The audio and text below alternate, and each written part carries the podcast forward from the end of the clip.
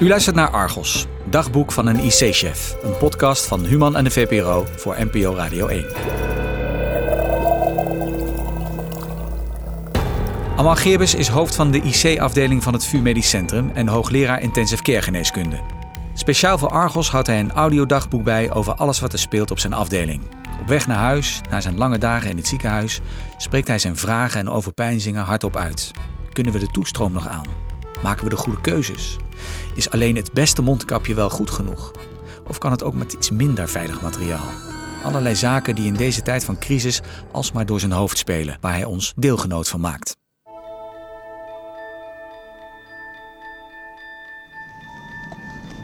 Het is nu eh, vrijdagmorgen, even voor zeven.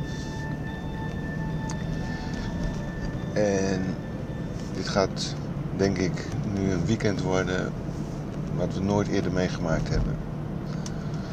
Afgelopen dagen was hè, zag je het resultaat van het harde werken de weken daarvoor.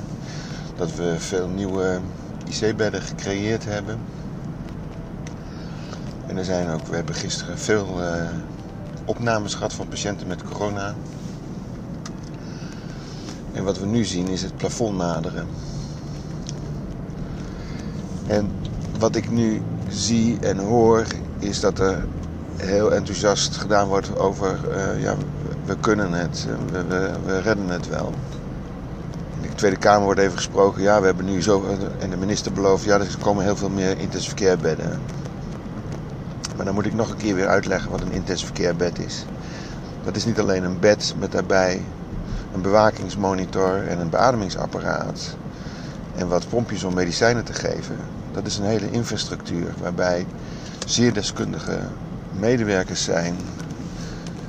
IC-verpleegkundigen, intensivisten, apotheek, fysiotherapie. En dat is niet een, een of ander apparaatje wat je er neerzet dat het geregeld is. Daar hoort een hele structuur omheen. En wat je nu ziet is dat we ja, met weinig, relatief weinig middelen, dat we nu meer IC-bedden moeten maken.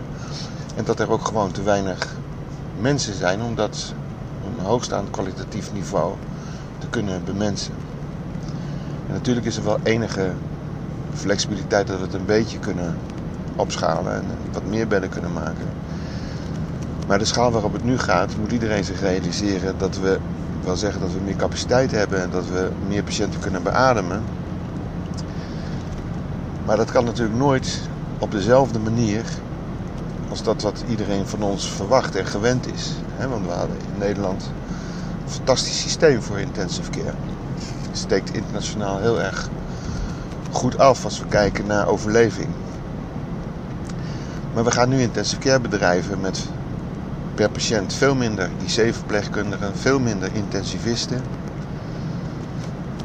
En wat we nu bovendien krijgen, ik merk het nu zelf ook. De vermoeidheid gaat langzamerhand ook een beetje toeslaan. Dit wordt het derde of vierde weekend achter elkaar dat ik ga werken. En dat geldt voor heel veel van ons. Hele lange dagen. Dan ook nog wel eens in de nacht gestoord worden. Collega's die veel meer diensten draaien. Ja, wij zijn allemaal mensen van vlees en bloed. En dan wil ik iedereen zijn moment of glory wel gunnen. Door met mooie theestukjes te laten zien dat we van één beademingsmachine twee beademingsmachines kunnen maken. En dat we dan in plaats van één patiënt twee patiënten kunnen beademen. En dat klinkt natuurlijk allemaal geweldig leuk. En dat is ook geweldig leuk om dat op televisie en zo te laten zien. Maar ik moet toch helaas uitleggen dat dat geen goede oplossing is. want beademen, moet iedereen zich realiseren, bij zulke zieke longen, zoals we dat zien bij het coronavirus. Ja, dat is fine-tune werk.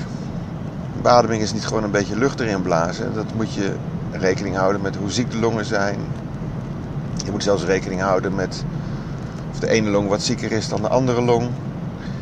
Je moet rekening houden met de lengte van de patiënt, met de individuele longinhoud. En bovendien, die longen die veranderen ook over de dag bij zieke patiënten.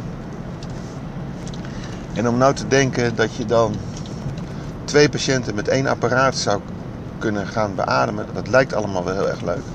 Maar dat werkt vooral heel erg goed als die patiënten precies dezelfde longen hebben met precies dezelfde mate van ziekte. En dan ga ik nog maar even voorbij aan alle logistieke problemen die er zijn. Want hoe gaan we dat precies verdelen? Hoe gaan we dat neerzetten? Hoe gaan we die patiënten gaan we die plaatsen? Ik denk dat het idee op zichzelf, wat natuurlijk al heel oud is, want zo nieuw is dat idee ook niet. Zo werden al heel lang eh, in het dierenlaboratorium ratjes beademd. En het is ook al wel eerder gebruikt in eh, Las Vegas. Er waren andere omstandigheden, andere type patiënten. En ja, ik wil vanaf deze plaats heel erg waarschuwen voor het optimisme dat het een vreselijk goed idee is. Leuk, maar niet zo'n goed idee en het gaat ook niet werken. want in plaats van één patiënt heel erg goed te beademen en dan wellicht de andere niet, gaan we nu twee patiënten slecht beademen. En we moeten ons realiseren dat de mortaliteit bij deze categorie patiënten sowieso al heel erg hoog is. Dus als je dan ook nog ze allemaal slecht gaat beademen omdat ze met z'n tweeën aan één beademingstoestel eh, liggen, daar wordt het niet beter van. Het Frans zeggen we, ça ne fait pas avancer le schmidblik. Dus niet goed. Kijk, ik heb daar 35 jaar over gedaan om een beetje te begrijpen van de geneeskunde en van intensive care patiënten. En misschien zijn er een heleboel mensen vreselijk veel slimmer, maar die gaan dit niet even in een paar weken, een paar maanden of een paar jaar begrijpen waar ik zo lang over gedaan heb en mijn collega's zo lang over gedaan hebben. Nou, veel reacties uh, gehad nadat we duidelijk gemaakt hebben dat er niet alleen een ramp aan de gang is voor de patiënten die het coronavirus hebben, maar dat er ook een hele grote ramp gecreëerd wordt door de gewone zorg waar we mee bezig waren. En die eigenlijk gewoon erop rekenen dat we door zouden gaan op dat niveau. Dat zich ook voor de gewone zorg een ramp aan het aftekenen eh, is. In termen van dat mensen gewoon niet de goede behandeling eh, krijgen. En wat hier dus nu allemaal over, bovenop komt, is dat we nu allemaal opeens met onzekerheid worden geconfronteerd. Dat mochten wij ziek worden, dat er geen systeem is wat ons zo kan opvangen als waar wij afgelopen jaren op gerekend hebben. Zelf ook vond het ontzettend prettig gevoel. Dat ja, mocht ik uh, heel erg ziek worden, dan wist ik waar ik terecht zou komen en welke zorg ik zou krijgen. En die zekerheid is nu in één keer weg. En ik, ik zie dat ook. Ik krijg berichtjes van, uh, van vrienden, collega's, bij wie dan iemand in de familie ook, ook wat ziek is. En die lezen dan een bericht over komende tekorten op de intensive care. En ja, die zijn ook angstig en die zeggen van, uh, is er dan straks nog wel een plekje voor mijn dierbaren of voor mijzelf op de intensive care? Hoe zit dat? Die angst die, die komt er nu bij iedereen. Tot zover het audiodagboek van Dr. Geerbers van vandaag. Als u zich op deze podcast abonneert, kunt u regelmatig een nieuwe bijdrage van hem beluisteren. Kijk voor meer informatie op vpro.nl/slash argos. Daar vindt u bijvoorbeeld ook het audiodagboek van een huisarts en nog veel meer interessante artikelen. Vindt u deze podcast de moeite waard? Laat dan een review achter in Apple Podcasts. Dank u wel.